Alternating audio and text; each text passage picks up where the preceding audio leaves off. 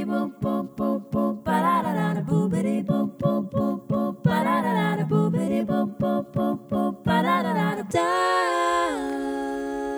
til Filibuster, en podkast om forsknings- og innovasjonspolitikk i et samfunn i endring. Vertskap er Petra Andersen og Per Kokk. dag er vi veldig glade at vi har professor Bendik Bygstad med oss. Eh, professor Bygstad han er verksam vid Institutt for informatik vid universitetet i Oslo. Välkommen till Filibuster Bendik. Mange takk. Vi vet ju att du är en väldigt eh, aktiv eh, person på flere flera olika arenor när det gäller digitalisering och innovation. Och eh, vi såg det senast också nu i samband med NHHs, NHHs Digital Innovation for Growth, DIG, som jag vet du också är med och arbetar eh, kring utvecklingen tillsammans med professor Tor Andreasen. Eh, Men kan du si litt om din forskning som du arbeider med akkurat nå? Ja, de siste årene så har jeg arbeidet mye med e-helse og eh, fulgt de store programmene. eh, Både nasjonale og regionale programmer innenfor e-helse. Det er et veldig interessant område med veldig store visjoner og vyer. Og samtidig så har det vist seg at det er ganske vanskelig å eh, få gode resultater. Eh, I tillegg så har jeg forsket på eh, hotellkjeder, flyselskaper, og innovasjon i privat sektor. Og der vi ser at, at de har blitt veldig opptatt av dette med digitale økosystemer. Så har jeg også nå startet et prosjekt med Jon Iden på Norges handelshøyskole, der vi ser på digitalt lederskap og hvilke måte, nye krav det digitale stiller til både toppledere og mellomledere. Väldigt spännande. Vi vet ju också att i den här tiden av digitalisering och allt snack om digital transformation så, så lurar vi ju egentligen på hur det faktiskt ser ut ute i bedrifter och i offentlig sektor, i organisationerna. Hur jobbar man idag med bimodala arbetsprocesser och det som kallas för ambidextri? Alltså hur kan vi upprätthålla en balans mellan utforskande och utnyttjande strategier och arbete? Eh, Kan du si litt om hvor status er der? Ja, Status er jo veldig broket. Noen bedrifter har kommet langt, noen bedrifter har kommet kort. Offentlig sektor, veldig stor forskjell på eh, ulike sektorer. Eh, det man kanskje kan si om det ambidextres, eh, det er jo på en måte at, at man forsøker å, å gjøre to ting. Både det å eh, ta vare på de ressurser man har, utvikle det videre, men på den annen side også eh, tenke nytt eh, og eh, eh, eh, altså i retning av, av det vi kaller for eh, digital transformasjon. Jeg vil jo si at Det er jo ikke så veldig mange bedrifter som, eller organisasjoner som i praksis gjennomgår noen digital transformasjon. De fleste driver med det vi kan kalle for digitalisering. Dvs. Si de digitaliserer og forbedrer de prosessene de har. Og de aller fleste i offentlig sektor jobber ikke ambidextres. De jobber i én hastighet med de prosjektene som de har. I privat sektor så ser vi mer ambidextres. Og eh, Kroneksempler på det er vel i grunnen eh, Finn, som ble skilt ut av eh, Skipsted på 90-tallet.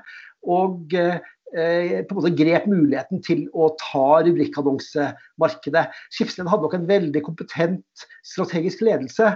Eh, og eh, de så det at de kunne ikke gjøre det innenfor den organisasjonen de hadde, så de laget en ny en, Finn, og etter hvert skilte ut den som selskap. Ja, og så vet vi hvordan det har utviklet seg videre. Så, så de vært veldig klare på at man kan ikke bruke en tradisjonell annonseavdeling til å lage en digital plattform. Men det tror man i offentlig sektor. Er det noen aktør eller kommun eller eh, statlig verksamhet som du ser er litt bedre på å jobba på denne måten?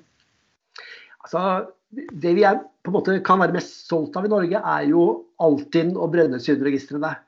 Eh, eh, det var jo uhyre eh, framtidsorientert at Bjarne Hope og eh, eh, de andre tre stifterne eh, av Altinn i 2002-2003, at de så behovet for en statlig plattform. Og eh, det er jo interessant at de, de oppretter en ny organisasjon med et helt nytt mandat. De får ikke noe penger av eh, Finansdepartementet, som ikke så nytten av det. Sånn at utviklingen av Altid ble jo gjort av Accenture på egen regning. Og med fakturering på transaksjon i de første årene. Slik at der, det, altså, Jeg syns det var et eksempel på ambidextres tenking i det offentlige som var langt forut for sin tid. I dag så misunner jo alle land at vi har Altinn. Altinn i dag andre ting enn det med å bare rapportere inn. Eh, eksempelvis så kan Altinn regissere en konkursbehandling eh, ved at eh, bobestyrer får tilgang i Altinn til alle de eiendeler som boet har, alle de kreditorer boet har, alle de krav som måtte finnes, fra leverandører og, og skatt og inkasso og, og det hele. Og med, med, de hjelpemidlene og de ressursene som bobestyret kan få fra Altinn, så kan en konkurs i Norge gjennomføres på en fire-fem uker. Og Dette er antagelig raskest i verden. og Hvis vi tenker på hvor viktig en konkursbehandling er i en kapitalistisk økonomi, så er det vanskelig å undervurdere verdien av denne type løsninger. Jeg, jeg lærte også at i Italia så tar en konkurs i snitt mellom seks og syv år. Og det er fordi at alt må gjennom rettssystemet. Vi har sett litt på innovasjon i offentlig sektor i forskningspolitikk og i Philip Buster. Og digitaliseringsdelen av det. Og en av de tingene vi naturlig nok har sett på i år, har vært betydningen av pandemien. Og fordi at forskningspolitikk er et blad om også høyere utdanning, så har vi sett på hvordan universitetene og høyskolene har takla dette. Og vi har vel kalt dette for en form for krasjinnovasjon eller krasjdigitalisering. Hvor det jo er at institusjoner som i løpet av en helg har snudd fra en eh, katetertilværelse til en Zoom-tilværelse. Og dette er det mange gode eksempler på. Det som har vært litt diskutert, derimot, er liksom, ja, men er dette en genuin endring, eller gjør man det samme bare med nye digitale verktøy? Og du har bl.a. diskutert ser jeg, i andre sammenhenger forskjellen på ledelse og digital ledelse, forskjellen på det å ha digitalisering som å gjøre det man allerede gjør, uten å endre en grunnleggende holdning til væremåte, og det å bruke digitale verktøy på en helt ny måte. Kunne du si noe mer om det?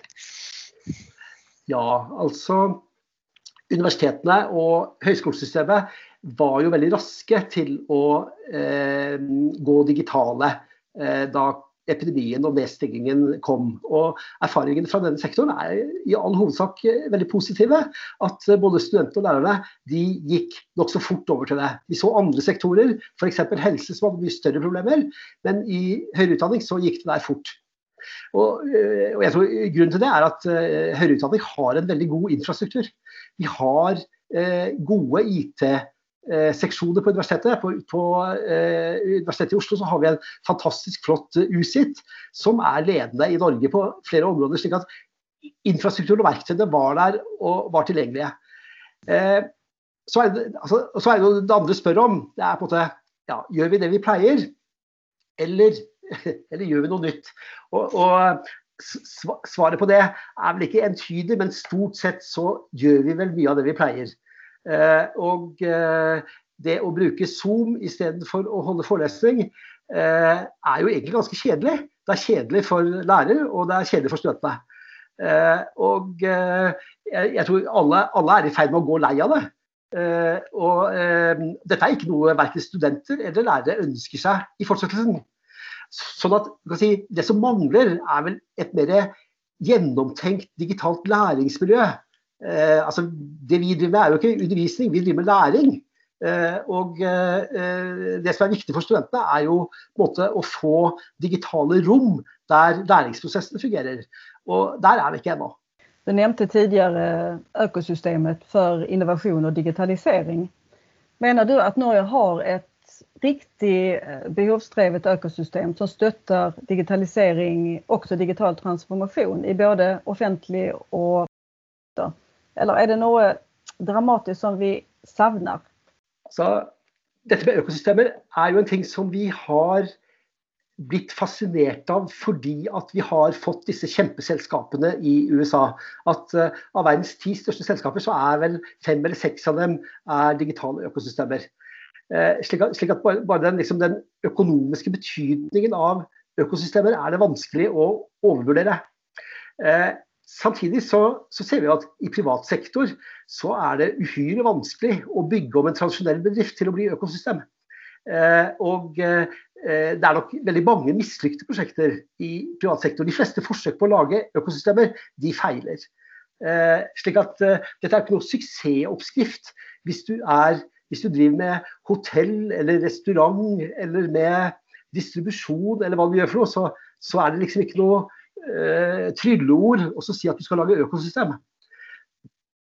I, eh, I, offentlig sektor så har jo dette gått saktere. Eh, men der tror jeg vel at forståelsen av plattformer og forståelsen av plattformeierskap siger inn i de forskjellige sektorene. Og Siden vi snakket om Altinn, så er jo på en måte, Altinn er jo på en måte vår første og vår viktigste plattform i offentlig sektor. I mange andre sektorer så har man jo fullstendig du kan si, feilet på å utvikle plattformer. Og Det verste eksempelet er vel helse, der vi istedenfor plattformer så har vi eh, en veldig fragmentert struktur med, med tusenvis av kliniske systemer Eh, strødd rundt i, i sektoren. Når vi ser på den digitaliseringspolitiken som regjeringen har i dag, de har jo kommet ganske langt. Det har vært mye spennende som er gjort med eh, digital strategi og der er AI-strategi og der er livshendelser med mera. Är det noen ting som du syns att eh, man borde gjøre mer? Flere investeringer i den politikken for å styrke digitaliseringen? Altså det, det, det å lage strategier er jo på mange måter ganske lett. Eh, og eh, vår evne til å lage strategier overgår jo langt vår evne til å gjennomføre dem. Så hovedproblemet for offentlig sektor er, jo egentlig ikke å lage rapporter, eh, men det er å skape forandring. Og der syns jeg vel at de beste eksemplene er der hvor offentlige etater har faktisk bygget økosystemer. Altinn er selvfølgelig et uh, godt eksempel. Uh, Ruter og Entur bygger økosystemer i transportsektoren. vi har et godt eksempel fra e-helse, nemlig e-resept-løsningen. Og Digitaliseringsdirektoratet, som vel på mange måter har vært en skuffelse, har i hvert fall fått til denne ID-porten. Slik at jeg syns vel at offentlig sektor burde bruke mindre tid på å lage enda flere strategier, og mer tid på å bygge økosystemkjerner og arbeide med, med å orkestrere løsningene. Apropå løsninger, Aksion-prosjektet. Jeg vet at du har vært aktiv i flere forum for å diskutere det her. Eh, og eh, det er jo mange aspekter med kobling til politikk og, og styring og kunnskap, eller mangel på kunnskap kanskje, og en hel del maktkamper også, både på lokal og nationell nivå. Men hvordan hur, skulle vi gjort annerledes, om det er mulig å si noe om det Og hva kan vi lære av denne prosessen, som jo på intet sett er klar? Nei, det er jo, det er jo et vanskelig spørsmål fordi at eh, det er jo ikke bare Norge som strever med disse løsningene. Vi ser de samme utfordringene i mange land. Eh, og eh, noe av problemet er at det å skulle lage løsninger av denne typen her er altså så komplisert at det er vanskelig for politikere og beslutningstakere å vite hvordan man skal gripe det an. Eh, og så blir man litt for avhengig av rådgivere. Eh, og så er det litt tilfeldig hvem som blir rådgivere. Eh, og eh, det er lett å få feil råd. Eh, og jeg vil si at eh, Når det gjelder EIS, Helsedirektoratet, så, så, fikk de feil råd. Og, og, du kan si En av de tingene vi kanskje kan lære, det er at det er, det er, viktig at de som skal bruke disse systemene, får en tydelig stemme inn i det. Hvordan kan man gjøre det? Ja, Det er, det er på en måte et vanskelig, mye vanskeligere spørsmål enn det høres ut som. Og Det er fordi at de som skal bruke systemene, det er jo eh, klinikere, det er leger og sykepleiere, og det er eh, sykehjemsansatte, og, ikke minst så er det pasienter og pårørende. Og Alle disse her, de kan vi ikke forvente skal ha skal ha kompetente meninger om hvordan man skal lage en sånn løsning. Eh, sånn at vi må dele problemet i to.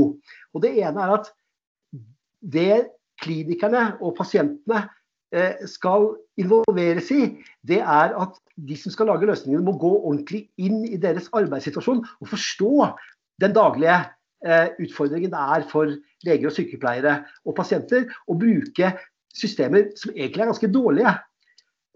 Så den, den, den, første utfordringen er å forstå behovene hos sluttbrukere.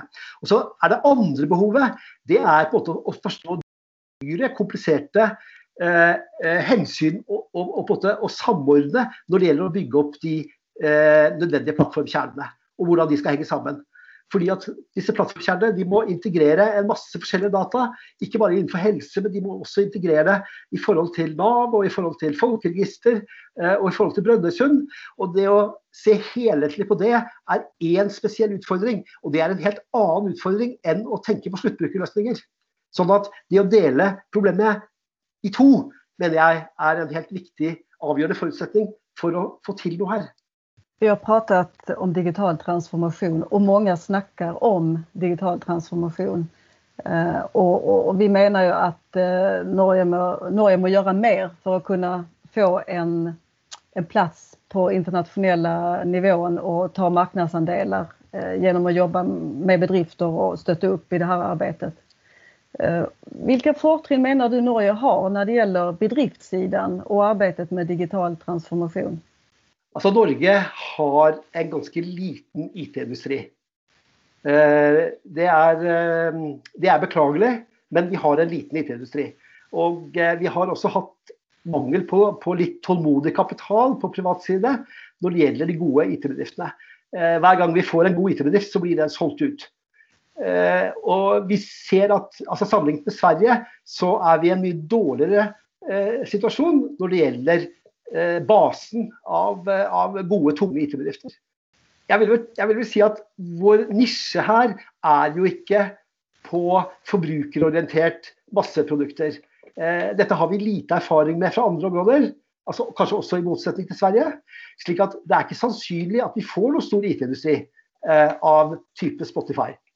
Det som er vårt fortrinn, er jo tradisjonelt knyttet til næringer der vi er gode, altså til havbruk, Eh, logistikk, eh, olje eh, Ja, altså våre tradisjonelle næringer der det vil være mange globale nisjer å kunne utvikle software på. Og så tror jeg at offentlig sektor er vi jo veldig langt framme. Og vi har en del gode leverandørmiljøer som jeg tror kan lage eksportvare av det vi gjør i offentlig sektor. Både når det gjelder eh, Altinn, når det gjelder helse og når det gjelder en del andre områder der. Eh, det er klart vi kan selge eh, vi, kunne, altså vi, kunne, pakke og kommersialisere Altinn eh, og gjøre det til et internasjonalt, internasjonalt produkt. Bare, det vil være mye mer naturlig og mye lettere enn å skulle lage Spotify 2. Avslutningsvis så vil vi spørre deg om eh, en litt spesifikk sak. da. Eh, om du får sende ett ønske til en minister Eh, du får velge hvilken minister eh, og hvilket budskap du vil formidle, men det skal være for å styrke arbeidet med digitalisering i Norge. Hva svarer du da? ja. Det, som, det som det er lite forståelse for i det politiske systemet, syns jeg, det er at, slik, at, at vellykkede digitale infrastrukturer har en veldig stor nasjonal verdi. Eh, og den overgår verdien mange ganger av de nytte-kost-regnestykkene som eh, på en måte politikere er så glad i. Eh, vellykkede digitale infrastrukturer får en eh, verdi både på kort og på lang sikt som det er nesten umulig å overvurdere. Og Derfor så syns jeg at det å lære av de få eksemplene vi har på slike uhyre vellykkede nasjonale infrastrukturer, eh, det kunne stimulere politikerne til å bygge flere, og, og, kanskje også til å tenke gjennom hvilke slike er det vi trenger. Og det mest nærliggende akkurat nå, når vi diskuterer helse og covid-19 og Akson og sånt, det er jo at vi trenger en nasjonal infrastruktur for personers helsedata. I dag så havner personers helsedata enten hos store leverandører av systemer, og kanskje til og med hos Epic dem, i, i, i Helse Midt. Eh, og de havner hos, eh, de havner hos mobilleverandørene som Apple og eh, osv. Og det er klart at vi som samfunnsborger så savner jeg at staten burde tilby hver eneste innbygger i Norge et trygt sted å ha sine helsedata. Da er du for så vidt inne på det som har vært kalt uh, mulige negative eller ikke-intenderte konsekvenser av digitalisering. Vi ser bl.a. på såkalt ansvarlig forskning og innovasjon. og En av de tingene vi har lært i løpet av de siste få årene, er vel at digitalisering også har en skyggeside. Man tenker bl.a. på angrep mot demokratiet via sosiale medier. Og du har allerede sant, vist til sikkerheten til pasientdata, dine egne data. Jeg tror at vi tenker for lite på det, at politikere og policyutviklere også burde ha en klarere visjon om uh, mulige negative konsekvenser? Ja, altså, når det gjelder negative konsekvenser på personvernsiden, så føler jeg vel at politikerne har engasjert seg ganske tungt i det. Og vi har fått Nasjonal sikkerhetsmyndighet, uh, og vi har fått en god del instrumenter for å håndtere uh, sikkerheten. Men litt, kanskje, Nå gjentar jeg meg selv, men jeg syns at politikerne har sviktet når det gjelder å bygge nasjonale digitale infrastrukturer. Er, eh, mange politikere er veldig opptatt av å bygge nye jernbaner eh, eller eh, nye veier osv. Og, så og de, de, viktigste infrastrukturene vi bygger nå, de er de digitale. Så dermed så er ditt budskap eh, til digitaliseringsministeren? jeg, tror kanskje, jeg tror kanskje et av problemene er i Finansdepartementet. Eh, og, det, og det er at Finansdepartementet mangler forståelse for den betydningen som gode digitale infrastrukturer har. Vi avslutter der, eh, Bendik. Tusen takk for at du hadde tid å være med i Filibuster. Takk selv. Dette har vært en episode av Filibuster, en podkast som utgis av fagbladet Forskningspolitikk og forskningsinstituttet NIFU. Vertskap er Petra Andersen og Per Kokk. Du finner mer om bladet og podkasten på fpol.no. Der kan du også abonnere på papirutgaven av Forskningspolitikk. Abonnementet er gratis. Kjenningsmelodien er fremført og komponert av Lene Andersen Vinje. Forskningspolitikk utgis med støtte av Norges forskningsråd. Boobidi, bo, bo, bo,